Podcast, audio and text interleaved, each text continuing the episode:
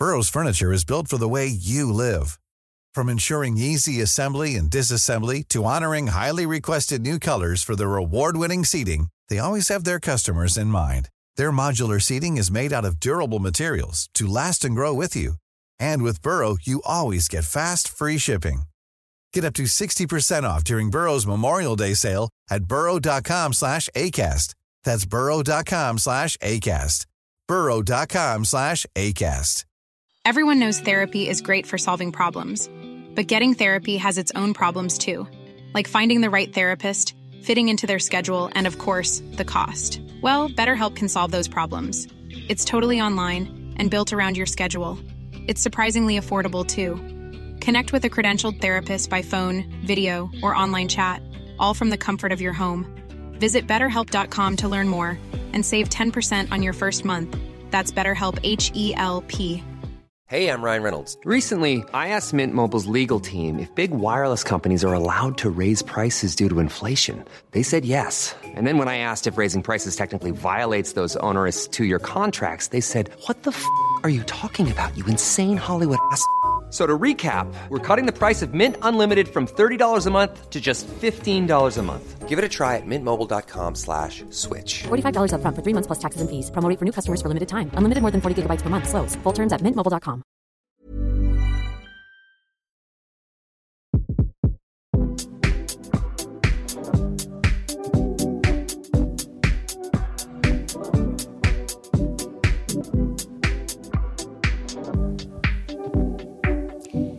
Hallo og varmt velkommen til ukens episode av Treningspodden, som kanskje er litt annerledes enn ellers. For det første så har vi med en gjest som vi har hatt lyst til å ha med veldig, veldig lenge. Og vi skal snakke om noe som på mange måter skiller seg litt ut fra hva vi ellers prater om. Hjertelig velkommen til deg, Annema. Tusen takk. Vi kjenner jo deg godt. Du er annet eh, en av mine kollegaer, og for mange en eh, kjent treningsprofil.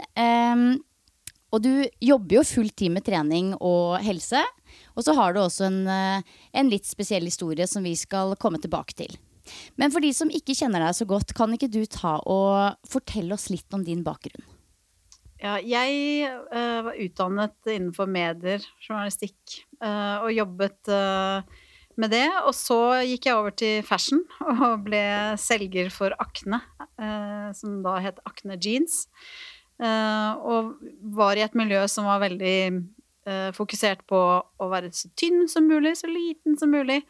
Så det var litt slitsomt, for jeg eh, trente og, og var ikke den derre modelltypen. Uh, så jeg følte et ekstremt press på at jeg var så stor, og det satte seg litt i hjernebarken på meg. Så det var et veldig usunt miljø å være i. Um, og så um, uh, fikk jeg PT-timer av min mann.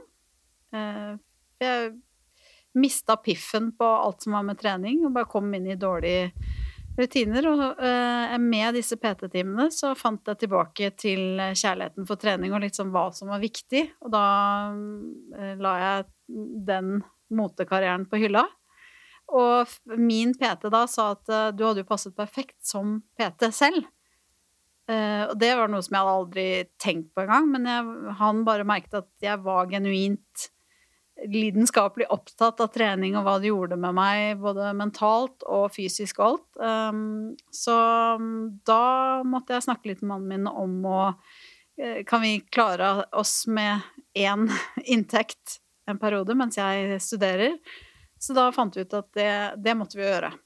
Så da hoppa jeg ut i det og skifta beite fullstendig.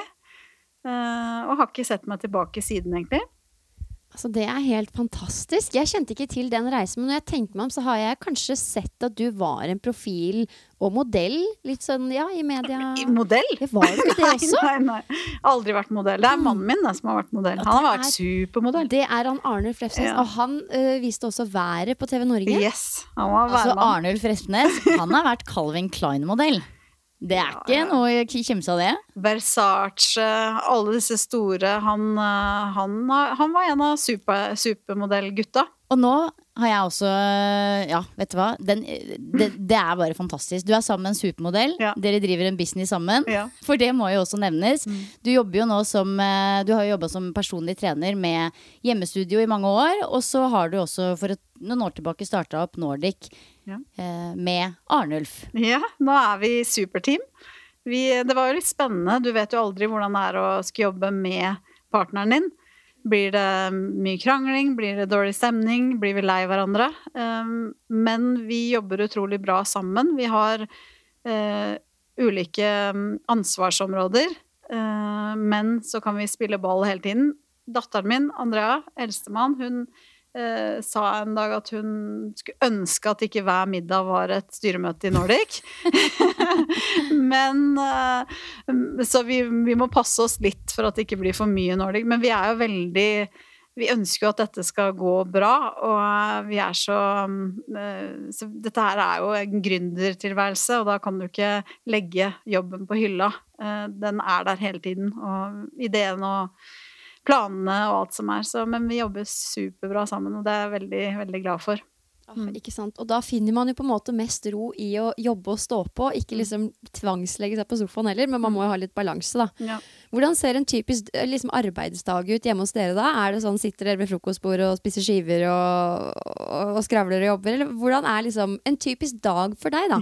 Hvordan ser den ut? Nei, en typisk dag blir jo mer at jeg står opp med sønnen min, uh, Theo, som er syv år, blir åtte. Og um, får han av gårde på skole og sånn, så er det uh, gjerne ha treningstime på Nordic. Eh, eller pausegym, eller noe sånt. Eh, og så er det administrasjon. eh, gjøre diverse ting som med timeplan, trenere som trenger hjelp med tekniske ting osv. videre. så kan det være møter i form av investorpresentasjoner.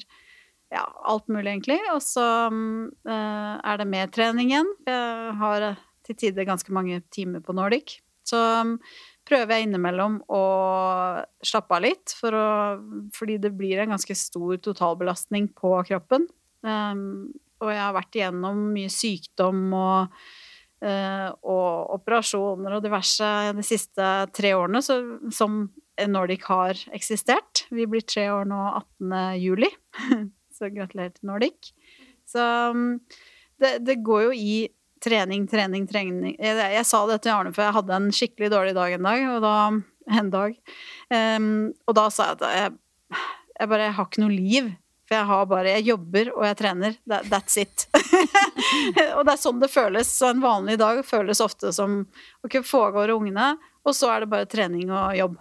Um, så jeg, innimellom så har jeg savnet det sosiale og være sammen med venner og eh, ha tid og overskudd til annet, men så tar jeg meg i det også og tenker at men vi vil så gjerne at dette skal eh, opp og, og gå og fungere bra, så da er det verdt å på en måte ofre noe av det nå for å um, kunne ta igjen det senere, da. Bare det ikke blir altfor sent. Så det er jo litt sånn at eh, vi tre som sitter her nå, har jo på en måte funnet hverandre litt gjennom eh, trening og treningsbransjen på sett og vis, og den biten der. Og jeg vet jo at du har eh, minst like stor lidenskap for bevegelse og trening som, eh, som vi har.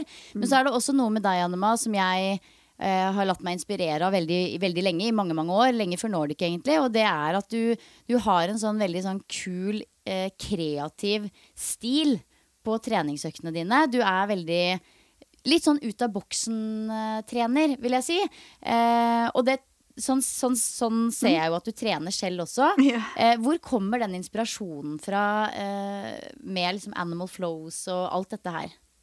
Eh, da, jeg bare liker å eksperimentere litt og blande litt stiler og øh, For jeg, jeg bare syns det er så gøy med hva kroppen kan gjøre, da. Jeg hadde en periode når jeg begynte med mye tung styrke og sånn, at det var hovedfokuset var å løfte mest mulig, bli sterk.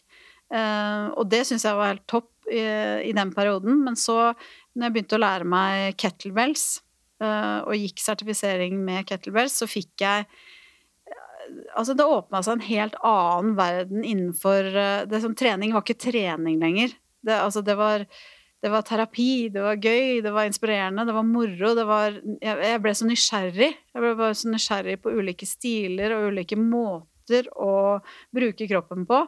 Og så merka jeg også bare på hvor bra kroppen føltes. Selv om jeg hadde mye trening, så hadde jeg ikke vondter. Jeg hadde mye sånn, ble sånn eh, i rygg og skuldre og sånn. Jeg løfta mye tungt. Og det har jeg ikke, bank i sofaen, eh, nå, fordi jeg, trener så variert. Eh, og for mange så ser det jo veldig, kanskje litt rart ut og litt tåpelig. Jeg har fått innspill på det, at eh, ja, ja, det greiene du holder på med, det er sånn tulletrening. Men eh, Gi det et forsøk, sier ja, jeg bare. Det, er- det er absolutt ikke tulletrening, og i hvert fall ikke for meg. Og, men jeg er ikke så opptatt av hva andre, eh, hva andre syns. Jeg, jeg gjør det jeg syns er gøy selv. Ja, så har vel også, så vidt jeg har skjønt, Arnulf har vel litt bakgrunn fra kampsport og den verden der. Mm. Har du blitt inspirert derfra også, tror du? Ja, og så ikke bare Han var jo gymlærer en periode. Så han, eh, han var gymlærer i militæret, faktisk. Eh, Så han har jo også vært veldig, eh, veldig interessert i trening, og veldig mye på Veldig interessert i forskning rundt trening, og sitter og leser rapporter og, og eh, er oppdatert, da. Men han hadde lyst til å lære seg å slåss. Så han begynte med brasiliansk jiu-jitsu, for det hørte at det var det du måtte gjøre hvis du skulle lære deg å slåss. Så han drev litt og sa at det må jo du begynne med òg, men jeg var ikke helt solgt på det. Det så, så litt vel Altså, du ligger og gnukker på et annet menneske.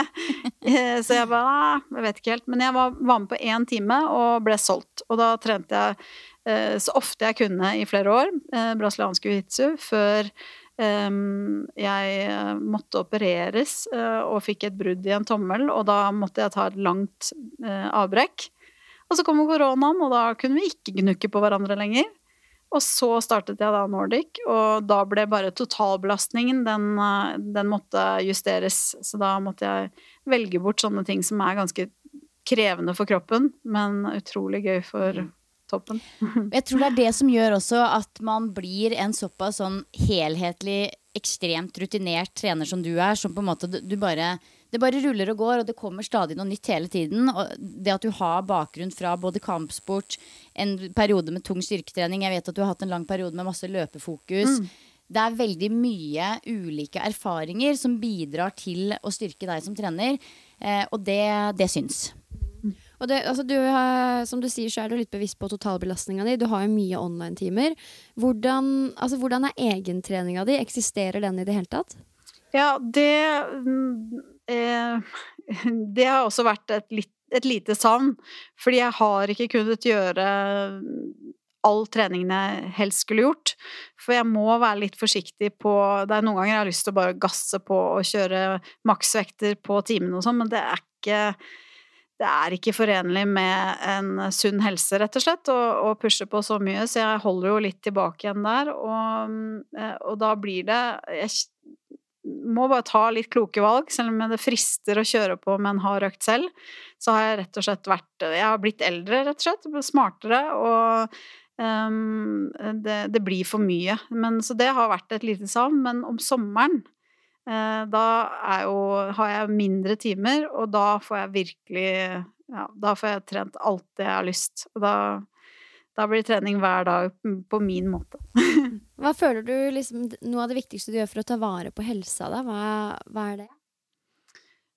For min del nå eh, så er det å eh, få sove nok. Um, det er å spise nok. Um, jeg har en tendens til å glemme å spise i perioder, fordi jeg har så mange timer og møter, og så løper jeg fra det ene til det andre, og så sitter jeg, så sitter jeg plutselig og er bare sånn helt utslitt, og så spør eh, mannen min har du spist noe ennå? Uh, og så må jeg tenke meg om bare Nei, det har jeg ikke. Det er det. Så nei, det, det, jeg kan være litt dårlig på det innimellom. Så å bli flinkere på å bare mm, planlegge litt eh, dagen i forhold til mat, hvile og sånn, der, der eh, må jeg være litt flinkere til tider. Mm.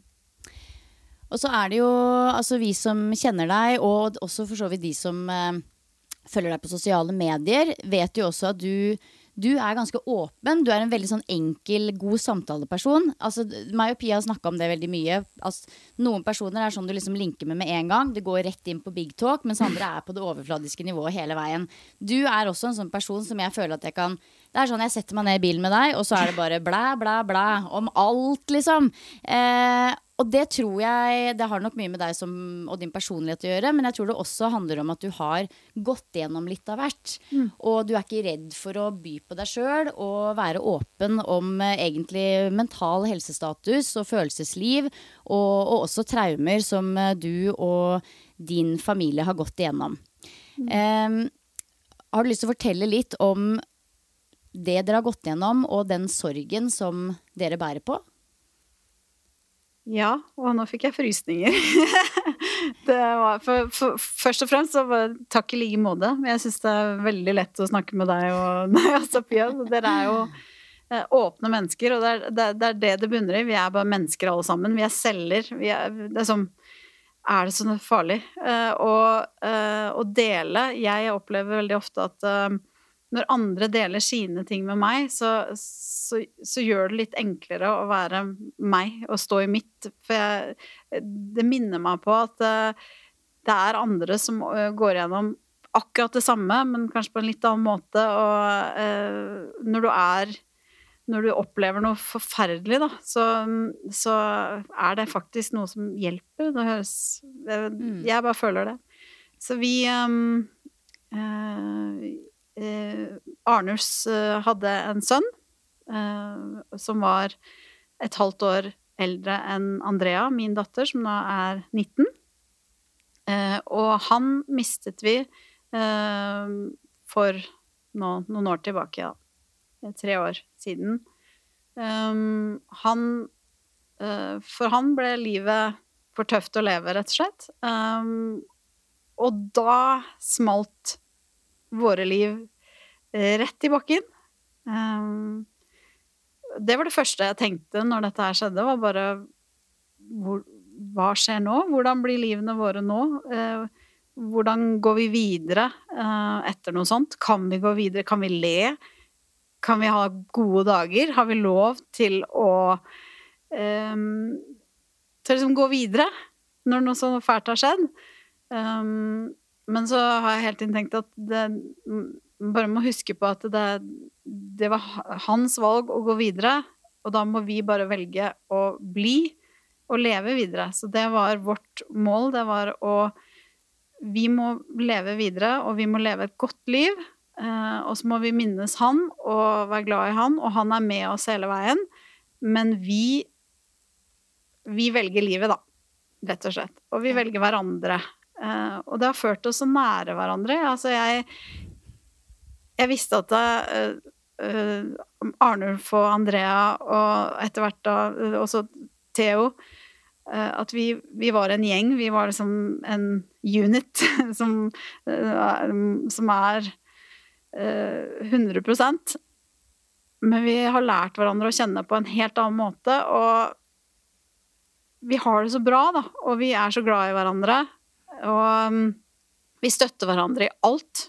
Uh, vi kan gå gjennom ild og sorg og vann for, for hverandre. Um, så det, Jeg sa en gang at midt oppi alt dette ekstreme Eller midt oppi alt den ekstreme sorgen og alt dette brutale som vi har gått gjennom, og fortsatt går igjennom Jeg har dager hvor jeg kollapser uh, helt ut av det blå kan jeg kollapse, og det kan være rett før jeg skal ha en time på Nordic. Mm. Da kan jeg stå og hylgrine, og så bare klapper jeg meg på kinnet, og så bare Det går. Alt går, og uh, du klarer det her. Og det, det kan skje helt uventa, og det skjedde bare her om dagen. Mm. Ja. um, men vi er sterkere enn noensinne, så ut av alt dette har det vokst en sånn enorm ekstra kjærlighet og, og, og sånn for, for, familien min, da. Som jeg bare jeg trodde jeg hadde, men den har bare vokst helt ekstremt. Ja. Det er jo veldig ho, heftig. Ja. Men ja, altså det dere har gått gjennom, er jo på mange måter det verst tenkelige som noen forestiller seg å gå gjennom. Men, da, men, så er det jo det at når du hører eh, folk som har opplevd sånne type traumer eh, fortelle, så er det nesten det samme som går igjen hver gang. Nettopp det du sier med at det er en slags forsterkende effekt i familien. Og at man ser enda mer og opplever enda mer kjærlighet sammen. Og den sorgen kommer jo alltid til å være med dere, men det handler jo om, som du også sier da, å klare å finne en vei sammen. Mm. Eh, og så tenker jeg at på en måte så kan man tenke at sant, alt annet blir helt ubetydelig når man går igjennom noe sånt. Men så er det kanskje det som er at det er de små tingene og hverdagen som faktisk blir veldig viktige. Mm. Og det er jo det jeg syns at For jeg har jo egentlig tenkt lenge at vi må ha Anne Mai på den. Fordi det er så utrolig inspirerende for oss på utsiden og se hvordan dere bare får det til å fungere og reiser dere opp.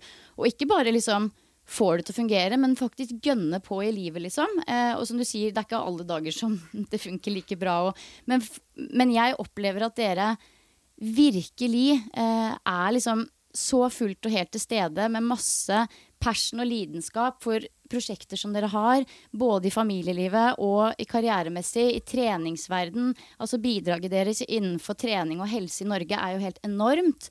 Eh, og at dere gir så utrolig mye utover på tross av at dere må bearbeide så eh, enorme traumer.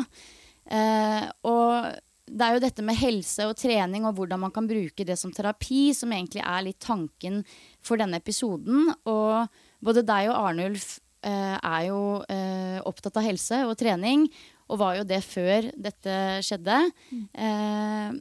men hvordan har på en måte dette påvirka den reisen, og hvordan dere ser på trening og bevegelse og aktivitet nå kontra før? Um, rett etter dette skjedde det, det, har jo vært Trening for meg har vært mitt frirom, mitt ja, liksom, Det er trening jeg går til når jeg skal ha det bra, føle meg bra. Um, uh, så, så, for andre, det å sette seg ned og lese en god bok, ja, det også, men for meg, å få hatt en treningsøkt, uh, og, og, så gir det meg disse endorfinene og denne godfølelsen og litt sliten og litt svett og um, uh, Dagen etter denne dagen så, så, skulle jeg trene, for jeg tenkte at jeg, jeg, visste, jeg visste ikke helt hvem jeg var lenger. Og jeg tenkte jeg må bare jeg må prøve å finne tilbake til meg selv. Jeg må finne tilbake til tankene mine. Liksom, jeg følte meg jeg følte at verden gikk så fort, og jeg var satt på slow-mo. Og, um, og, så var verden så veldig brutal. Den var så hard, det var så mye lyder, det var så mye mennesker. Det var, det, det var bare Alt føltes feil, så jeg tenkte at ok, treningen på treningsrommet, der, der, vet jeg, der finner jeg meg selv igjen, fordi det kjenner jeg. Um, så jeg gikk inn på treningsrommet og uh, begynte på mølla, husker jeg. Og så var det bare Det var som om jeg skulle lære meg å løpe igjen. Og, altså, jeg bare knakk sammen på mølla og bare Jeg kan ikke løpe engang nå. Liksom, beina ville ikke. Bare alt bare Det var feil. Og så tenkte jeg ok, men jeg, kettlebells Eh, så jeg, jeg, gikk inn på et rom hvor de hadde noen kettlebells og begynte å swinge litt. Og alt, og mens jeg sto der og hylgrein, så svingte jeg litt, og så måtte jeg bare sette meg ned til slutt. Og med vekter rundt meg og bare Nei, det, det, det funka ikke. Så i en ganske lang tid etter dette her, så, så måtte jeg endre på måten jeg trente på. Da jeg gikk veldig mye tur. Jeg gikk og gikk og gikk og gikk. Eh, eh, gråt og eh, og liksom bare, hadde, bare lot tankene gå fritt, og hørte på musikk og hørte på podkaster. Så det var min, mitt utløp for eh, Det var min trening da, i den perioden. Um, så det tok litt tid å komme tilbake igjen inn til uh, styrke og, og, løping igjen. Um, men når jeg gjorde det, så følte jeg at nå Nå har jeg funnet litt tilbake til meg selv igjen. Uh, Eh, for andre kanskje høres det veldig spesielt ut å finne seg selv i, i en treningsøkt, men det var liksom, jeg ble så glad når jeg kjente at jeg kan trene igjen. eh, kroppen min tåler å trene. Men jeg kunne ikke, for det, i den første perioden så ble det for hardt. Det ble for vondt for kroppen, for jeg hadde så vondt inni meg. Eh, så kroppen min bare Du skal ikke gjøre ting som gjør vondt nå. Nå skal du bare gjøre milde ting. Du skal, du skal strekke, du skal gå, og du skal kanskje meditere. Du skal gjøre helt sånn softe, softe ting. Og så venter du med de der pumpe, pumpeøktene til du er på plass igjen. Så det gjorde jeg, da.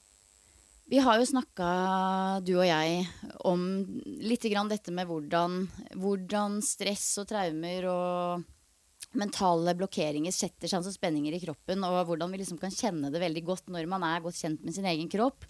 Eh, det er jo noe av det som er liksom fordelen med å bli godt kjent med seg sjøl gjennom trening og yoga og, og, annen type arbeid også. At man liksom blir god på å sjekke inn. Mm. Eh, var det noe spesielt du kjente på i tida rett etterpå når det gjelder liksom fysiske reaksjoner? Um, ja. Jeg, det, vi alle mista matlysten. Uh, vi mista søvnen vi mista jo oss selv helt. Vi, men samtidig så måtte vi være 100% til stede, spesielt for Theo, som var så liten. Um, han var en liten gutt som trengte mamma og pappa. Han trengte å le, han trengte å uh, forstå at ting går videre, selv om en av oss ikke er her. Um, uh, så det var liksom Jeg følte at jeg spilte litt skuespill, men samtidig så er det jo så fantastisk å se han. Så jeg husker det var jeg la ut en video at vi uh, sang og gjorde noe gøy med Theo. Eh, og så tenkte jeg etterpå at oi, tenk om, liksom, tenk om folk tror at vi eh, Vi er bare happy og har gått videre og alt er greit. Men det er jo langt fra det. Men det var så viktig for Theo å ha den mammaen og pappaen som kunne gjøre sånt. da. Og da var det noen som skrev til meg at det bare så godt å se at dere kan le og smile nå, fordi det, dere trenger de minuttene med mm. litt, litt, pause, selv om det ikke varer så lenge, kanskje. Mm. Så um, det at um, må huske på det, selv om du går gjennom noe fælt, så der, le når du får mulighet til det. La liksom den gleden fylle deg, og ikke skam deg over det, for det, det angrer jeg litt på at det, vi gjorde. det. Hver gang jeg smilte, så følte jeg at det, eh, det var feil. Mm. Føler du altså Det er som Silje sier, du kjenner jo kroppen din veldig godt og har gjort det alltid. Eh, og det du har opplevd, er jo liksom eh, det verste av eh, stress, da. Mm. Eh, som eh, den fysiske og, men, og, kroppen kan oppleve, men også mentalt. Mm. Føler du at noe av det vonde stresset og de vonde følelsene har satt seg fysisk i kroppen på en eller annen måte? Altså du, har du kunnet kjenne det vonde følelsesmessige og mentale på den fysiske kroppen? Mm. Ja, jeg kjenner den nå. Det er en sånn, en sånn uh, en sånn følelse i kroppen min som jeg tror Jeg vet ikke om den noen gang blir borte, men den kommer, og den kom, kom nå. Uh, og jeg, det er liksom Hei, der er du. Jeg vet at du Men jeg blir ikke redd lenger når den kommer. Men den, den, den er der som en sånn klo. Um, og um, i forhold til det du snakket om med liksom, om jeg merket det på stress, det er jo at jeg har en, noe som heter irritabel tarm, sånn IBS. Um, så jeg har i perioder eh, når jeg føler på enormt stress, når sorgen plutselig gjør seg gjeldende igjen, um, og viser, det viser seg, så, så, får jeg veldig oppblåst mage. Jeg kan se gravid ut. Og det er sånn typisk tegn på at nå må du roe ned litt. Nå må du uh, ta noen skritt eh, bakover og se deg selv utenfra. Mm. Um, hvor mye stresser du? Hvor mye eh, liksom stopper du opp innimellom og puster med magen? Så um, det er et sånn typisk tegn på meg. Er, hvis du ser meg med veldig oppblåst mage, så er det Da er det en dårlig dag eller en dårlig periode. Stilt. ja. Og så er det jo ikke sant, Det er jo et veldig sånn konkret uh, Det er litt sånn det samme som at hvis jeg uh, ja, ikke sant. Ja. Mm. Ja, samme, vi har jo alle vårt som mm. kommer når vi er litt på felgen eller noe skurrer. Men den kloa som du snakker om, klarer du på en måte å definere det som at det er angst, eller er det sorg? Det er vel en blanding, tenker mm. jeg. Um, uh, en blanding. Men så Hey, folks, I'm Mark Marin from the WTF Podcast, and this episode is brought to you by Kleenex Ultra Soft Tissues, your ally to help tackle your allergy symptoms this season. I love the change of seasons, but nobody loves pollen and all those other things floating in the air that make you sneeze during this nice weather. Kleenex Ultra Soft Tissues are hypoallergenic and allergist approved, so fight back against watery eyes and runny noses without worrying about irritating your skin. For this allergy season, grab Kleenex and face allergies head on. There's never been a faster or easier way to start your weight loss journey than with PlushCare. PlushCare accepts most insurance plans and gives you online access to board-certified physicians who can prescribe FDA-approved weight loss medications like Wigovi and Zepbound for those who qualify. Take charge of your health and speak with a board-certified physician about a weight loss plan that's right for you. Get started today at plushcare.com slash weight loss. That's plushcare.com slash weight loss. plushcare.com slash weight loss. Life is full of what ifs. Some awesome, like what if AI could fold your laundry? And some, well, less awesome, like what if you have unexpected medical costs? United Healthcare can help get you covered with Health Protector Guard fixed indemnity insurance plans. They supplement your primary plan to help you manage out of pocket costs. No deductibles, no enrollment periods, and especially no more what ifs. Visit uh1.com to find the Health Protector Guard plan for you.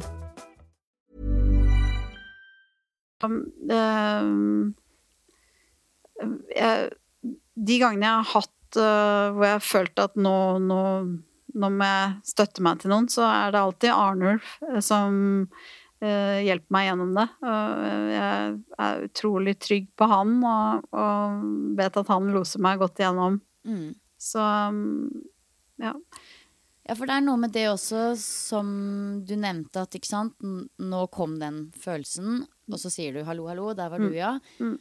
Og kanskje bare ikke være redd for den, men akseptere at det kommer og går. Mm. Ja. Ja.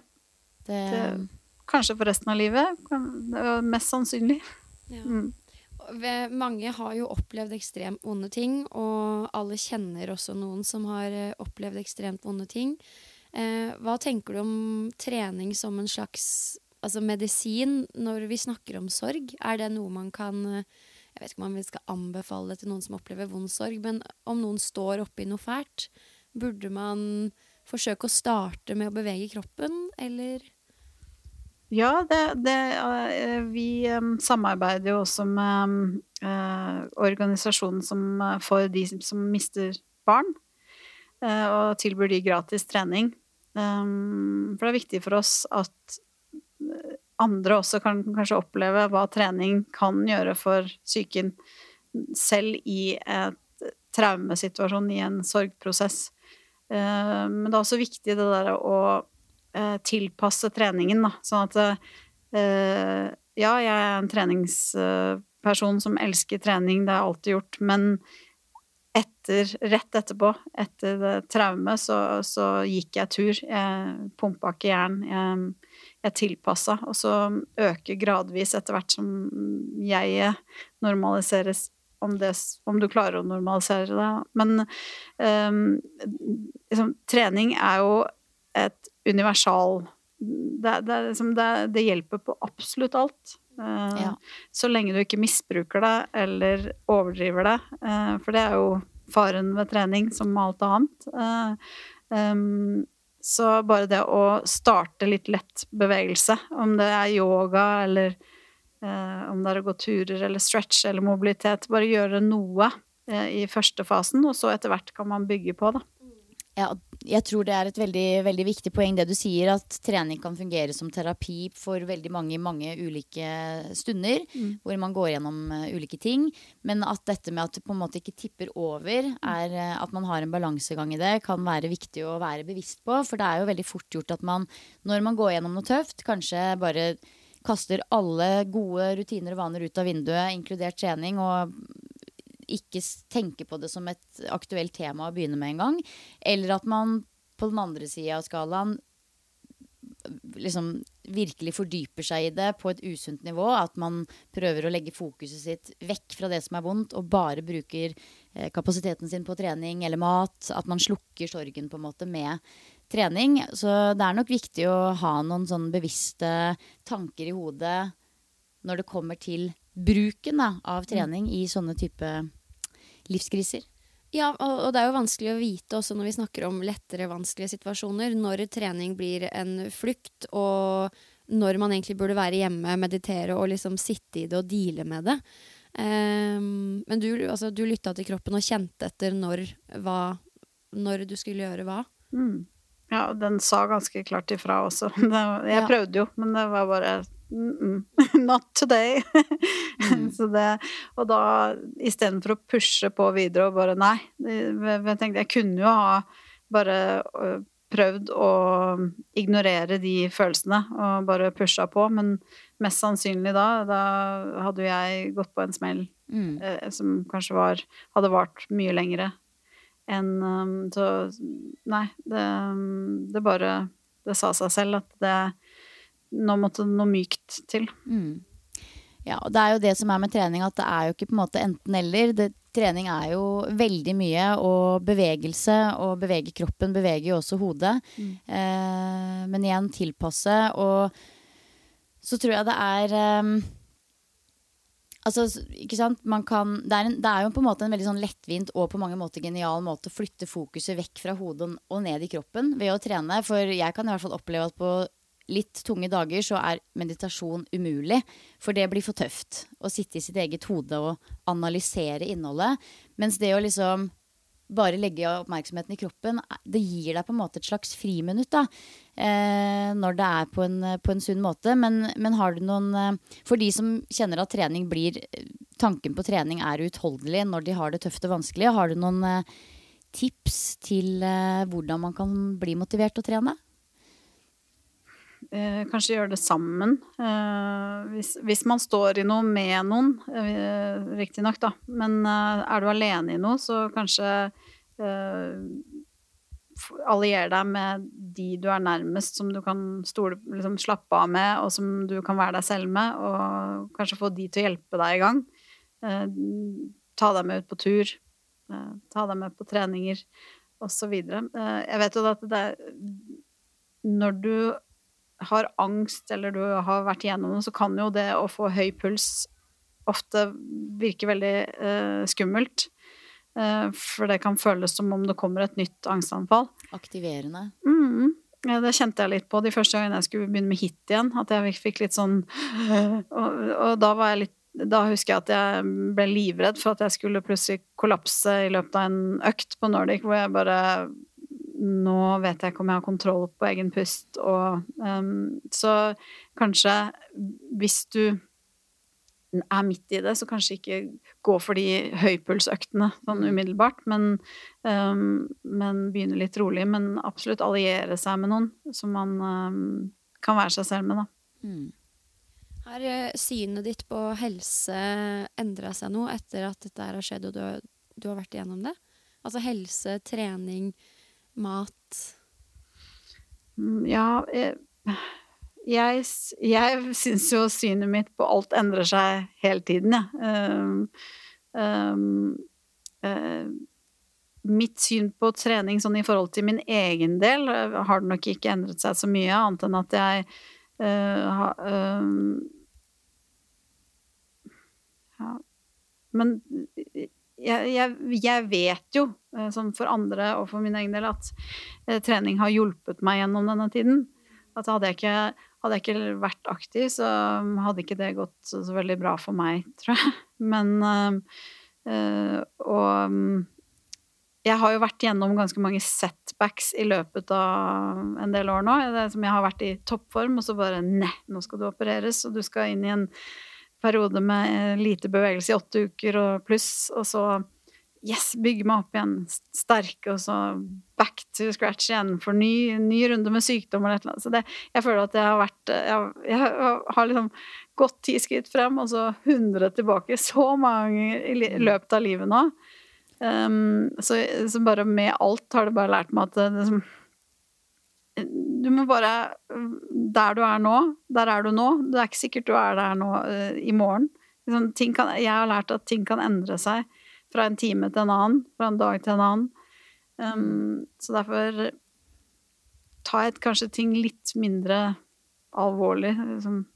Mm. Det er det det er, og så bruker vi til det der. Jeg er ikke så opptatt av å få det uh, ta mest mulig curl, bicep curls, holdt jeg på å si, eller chins, eller løfte tyngst mulig, eller uh, være den beste på noe. Det er som jeg um, uh, Jeg liker å være bare allsidig, atletisk, og så trenger jeg ikke å være best. Mm. Men synet på helse, der, der, der innebærer jo også på en måte mental helse. Jeg Mm. opplever jo at du er veldig opptatt av det. Mm. Eh, er det noe som har endra seg, tror du? Um, jeg må tenke om det har endret seg, men Man eh, får jo sikkert i hvert fall et mer bevisst forhold til hvordan fysisk trening eh, påvirker det mentale. Jeg føler at det er ting man Fælt å si det, men hvis man ikke har vært borti et traume, angst, sånne type ting, så man har jo veldig respekt for hvordan det fysiske påvirker det mentale, men du har jo aldri kjent det selv på kroppen. Jeg tror at for noen som har vært igjennom noe sånn som du beskriver, eller angst eller andre psykiske lidelser, så altså, ja, man får jo kjenne det på kroppen og merke effekten av f.eks. fysisk trening, da. mm. Ja, jeg, jeg, tror, jeg tror ikke det har endret seg så mye egentlig gjennom alt jeg har vært For jeg har hele tiden vært veldig bevisst på at dette er superbra for min uh, mentale helse. Um, og det bare har bevist det opp igjennom at det, uh, det er det som må til, da. eh, For, for meg og for veldig mange. Um, så det har nok ikke endret seg, men jeg har bare veldig respekt for for at eh, vi alle er i ulike faser av livet, og vi kommer til å oppleve ulike ting i løpet av livet. Vi kommer til å gå på smeller, og vi kommer til å oppleve sorg og sykdom og Så det derre å skulle jakte etter å være hun superwoman hele tiden, det er et sånt fokus som kan være litt sånn farlig, da. Fordi da, da, da du, eh, du må være bevisst på at du bare Vær der du er nå, og bare ikke tenk liksom Ja, fem år frem i tid så skal jeg være sånn og sånn. Det, det er litt farlig. Så der har jeg nok vært litt med at jeg er litt mer tilbakeholden på målsetninger i forhold til eh, kroppen og mental helse og den biten der. Ikke målsetninger for, for Nordic og for business og sånn, for det, selv om der også går man jo på smeller hele tiden. Men eh, ja, kanskje litt mer tilbakeholden på, på det. Mm. Det har vi snakka litt om. altså Det er jo kjempefint med målsettinger å jobbe mot et mål, men det er fort gjort å da i den prosessen glemme å sette virkelig pris på hvor du er nå.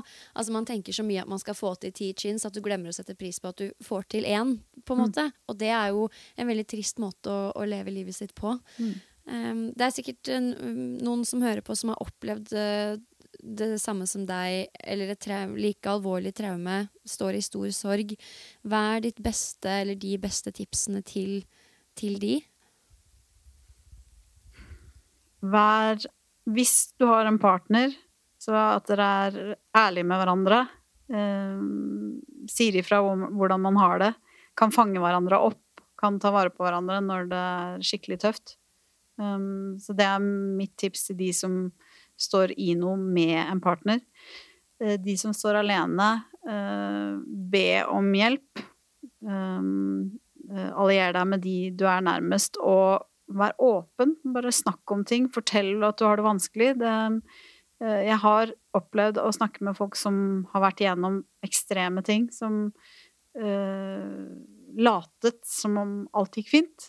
Uh, og verden rundt var litt sånn oh, shit, hva, hva skjer med henne? Er hun ikke, er hun ikke lei seg? Er hun ikke Jøss. Eh, og så det som skjedde da, var at folk etter hvert glemte at hun har gått igjennom noe forferdelig. Så når hun da, etter å ha lenge gått rundt og eh, undertrykt følelsene, så kom de, men da var det ingen der til å ta imot henne, fordi da har alle glemt, fordi hun har jo klaret seg fint. Så hvis du tør, så vær åpen og med de rundt deg, og mm, snakk om det. Og, og du trenger ikke å gå i terapi. Det er for mange er det, holder det å gå turer og trene og snakke med de nærmeste. Men uh, hvis du kjenner at det kanskje blir litt mye, at det blir overbelastning for de nærmeste, så anbefaler jeg også å snakke med noen. Da. Gå i terapi eller gruppeterapi med andre som har opplevd lignende. Ja, og så, sånn som jeg også nevnte så vidt tidligere, så har jo du vært eh, forholdsvis, i hvert fall i perioder, ganske åpen på sosiale medier også om, om altså, sorg, og du gråter litt på Instagram og deler liksom mye, da. Ja. Eh, så, så, altså, samtidig så Jeg vet jo at du ikke deler alt, men du Mm. deler jo mye eh, emosjonsbasert informasjon på sosiale medier sammenligna med veldig mange andre, inkludert meg selv, egentlig, som sikkert burde vært mye flinkere til det. Eh, men opplever du at det også er en form for terapi?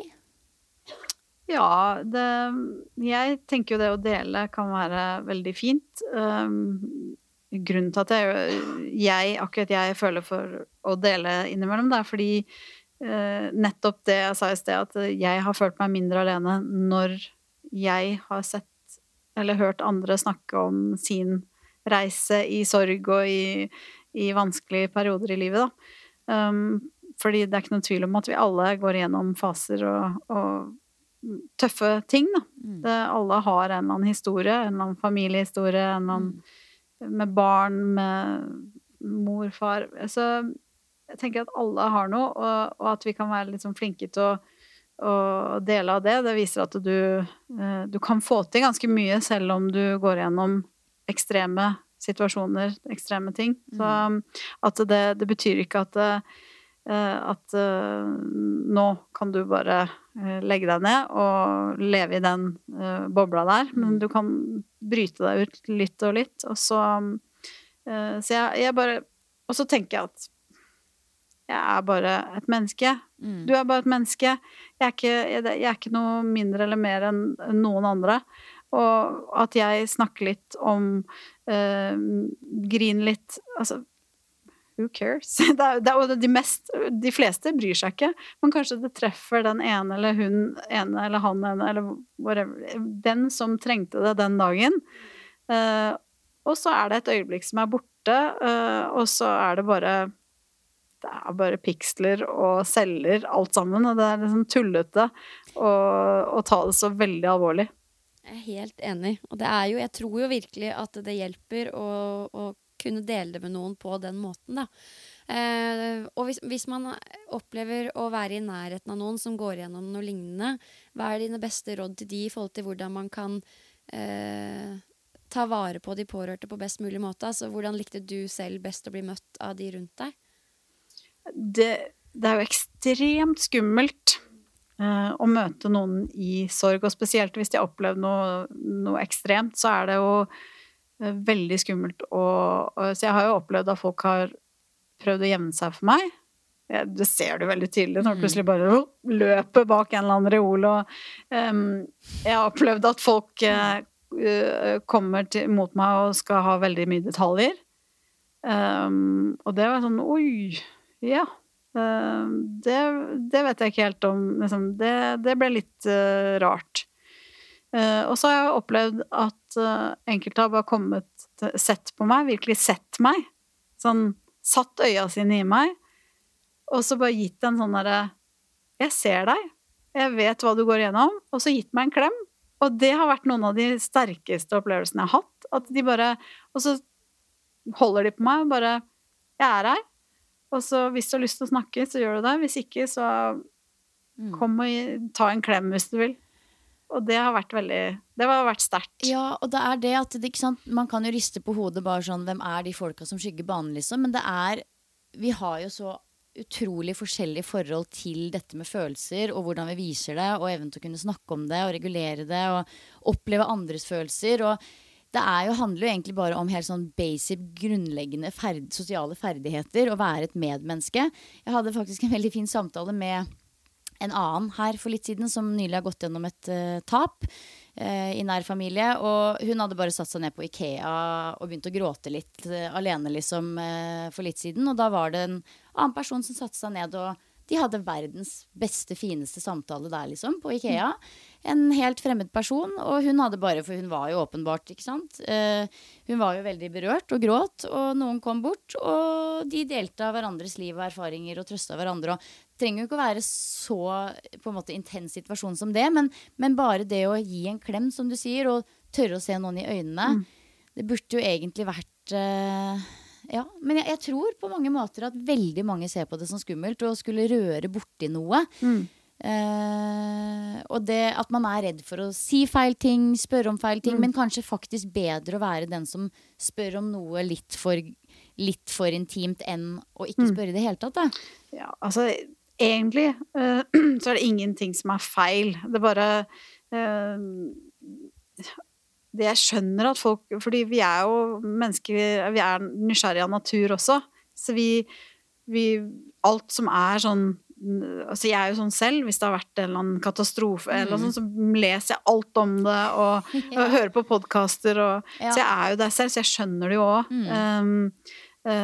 men akkurat uh, Du spurte liksom hva jeg uh, kunne tenke meg, så var det bare det at folk uh, så meg og sa hei og um, Men noen ganger så var det litt slitsomt at ved, i den perioden, den første perioden, da var jeg så nummen. Så jeg, jeg følte sånn Nå klarer jeg ikke å gråte mer, for jeg, nå er det tomt. Jeg sånn Jeg følte meg sånn dau.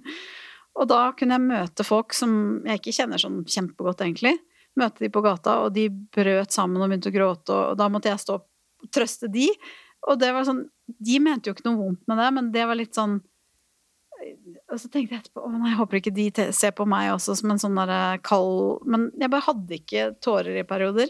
Jeg bare, og da, da var det litt tøft at andre sto og var veldig Veldig da, Men jeg skjønner jo det, og vi, det, er det igjen. Vi er bare mennesker, så Ja. det er ingenting som er feil, men det er bare Det beste du kan gjøre, er egentlig bare å Jeg vet hva du har vært igjennom. Mm. Jeg ser deg, og jeg er her for deg hvis du trenger det. Og Mm. vil du dele? For det var perioder jeg hadde lyst til Jeg hadde veldig behov for å snakke mye om det. Og da var det sånn Kan du ikke spørre meg? Jeg, jeg må liksom Ja.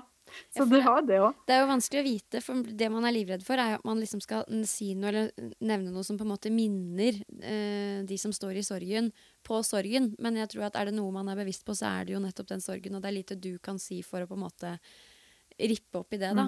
Men eh, det er jo som du sier, i tida eh, kort etterpå så er man inni et stort sort hull. Er det noe man som pårørende kan gjøre for å hjelpe personen ut av det sorte hullet, med mindre man er helt inne i sfæren? Eh, Eller er det på en måte noe som man må komme seg ut av på egen hånd? Det hjelper nok å, å ha, um, ha mennesker rundt seg som bare vil deg vel. Fordi det, det føles som om verden ikke vil det i den perioden der. Så um, det hjelper nok, men samtidig så er det uh, noe du selv må finne veien ut av. Du må på en måte ta For vår del, da, så føltes det som vi måtte ta et liksom bevisst valg.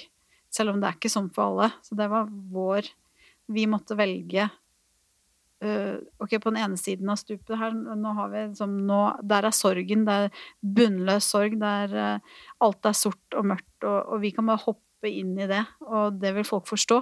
Jeg kan bare sykemelde meg nå og forsvinne, og det er samme med mannen min, og det, det alle ville sagt at ja, selvfølgelig ta den tiden du trenger. Ellers kan vi velge å snu oss og, mot det, som potensielt kan være en ganske fin fremtid allikevel, da. Snu oss mot det.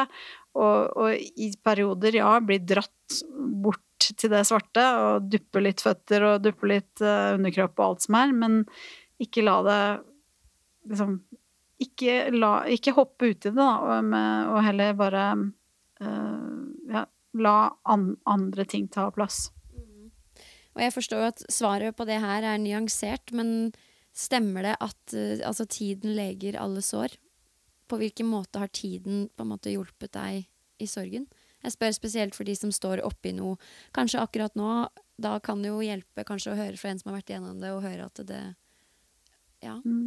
Eh, Tiden leger ikke alle sår. Det er noen sår som aldri liksom, Det såret her vil aldri bli bra. Men eh, det er hvordan, hvordan vi eh, håndterer det. Hvor, eh, hvor vondt det gjør. Det er der hele tiden, men intensiteten, og smertene, uh, går gradvis over. Uh, Men ikke aldri over, men uh, de forsvinner litt. Og så plutselig, som jeg sa, så eksploderer det igjen. Så, Men det er der, med en sånn derre sår som du skraper av skorpa på, som du aldri blir kvitt. Det er, jo, det er jo sikkert igjen veldig mange nyanser på det og hvordan deale med ting og hvordan folk dealer med ting. Men, men det er det som jeg også har opplevd som veldig inspirerende med dere. At dere har funnet en måte å på en måte deale med det sammen. Sånn som det virker på meg. At det, det, for det, jeg tror det ville vært utrolig vanskelig hvis, det, hvis man hadde sånn ut, veldig forskjellige teknikker eller tanker rundt hvordan man skulle bearbeide det, men at dere på en måte står i det sammen som et team. Mm. Høres for meg veldig eh, riktig ut. Ja, det var jo egentlig min største frykt, var hvordan jeg visste at liksom Jeg visste at jeg skal klare å komme meg gjennom dette her. Det, eh, jeg, jeg, jeg skjønte med en gang at jeg, jeg skal klare det, men jeg vet ikke helt hvordan ennå. Det var litt sånn ut på åpent hav, og jeg vet ikke helt hvor vinden tar meg, føltes det da. Men jeg var så redd for hvordan barna mine og mannen min, hvor de var hen. Om de var der, de også, eller om de var på vei et helt annet sted. Så det var egentlig den største frykten min, var um, hvordan vil de ta det? Uh, kommer de seg ut av det? Og jeg skal gjøre alt jeg kan for at de uh, kjenner seg elska, og uh, at de har noe positivt i, li i, livet sitt, da. Men det var egentlig det jeg var mest redd for. ikke meg selv, men de. Mm. Det er jo Ja, du har jo til en viss grad litt kontroll over deg selv, men ingen kontroll over andre individer. Mm. Så det, og det kan jeg se for meg at kanskje litt sånn spesielt vi sånn omsorgs... Omsorgs... Ja. Folk ja, men, kan kjenne. Som mor, ja. da, så er det jo så det, det går jo ikke bort, selv om Nei. du um, opplever noe fælt. Men Mm. um, jeg syns det var vanskelig Jeg kjente meg ikke selv igjen i speilet i, på litt over et år. Det var veldig rart. Jeg så meg selv i speilet, men jeg så ikke hvem Jeg skjønte ikke hvem som Jeg skjønte ikke at det var meg. Kjente meg selv ikke igjen. Jeg syns jeg så helt annerledes ut. Mm. Så Arne Arnulf og jeg, vi, vi lagde en sånn med fingrene mot hverandre, og så åpna vi det opp, sånn at vi åpna opp håndflaten. Sånn pust, åpne opp, pust, åpne opp. Vi lukka oss så inn eh, til tider, hvor vi merka bare nå puster du ikke, nå, bare, nå er du helt sånn forknytt og, og sånn. Så bare Så vi gjorde Vi hadde det som tegn til hverandre, at vi bare pust.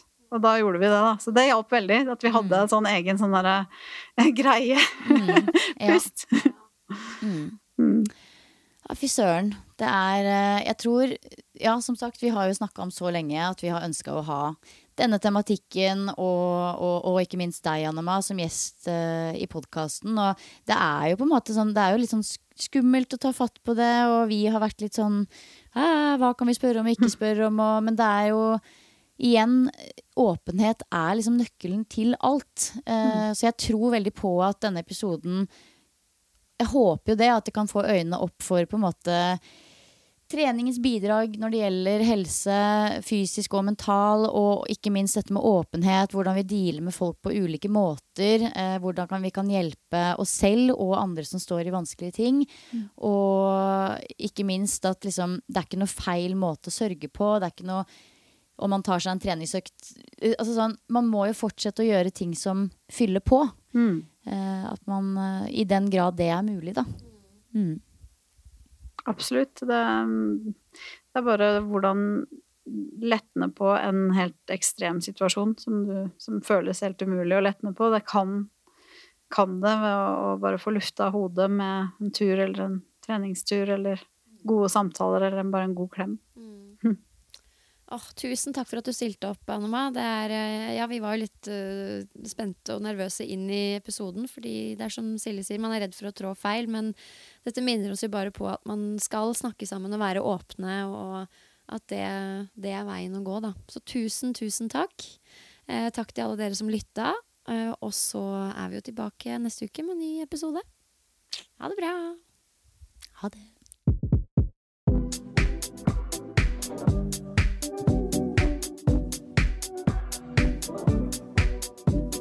Hi,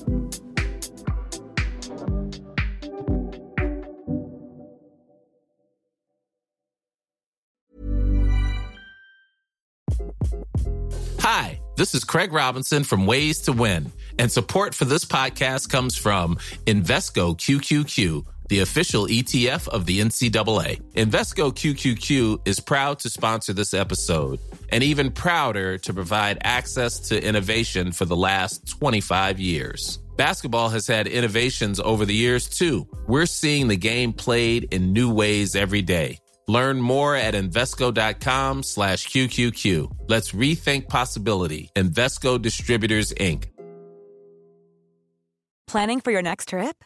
Elevate your travel style with Quince. Quince has all the jet setting essentials you'll want for your next getaway, like European linen, premium luggage options, buttery soft Italian leather bags, and so much more. And is all priced at 50 to 80% less than similar brands. Plus, Quince only works with factories that use safe and ethical manufacturing practices.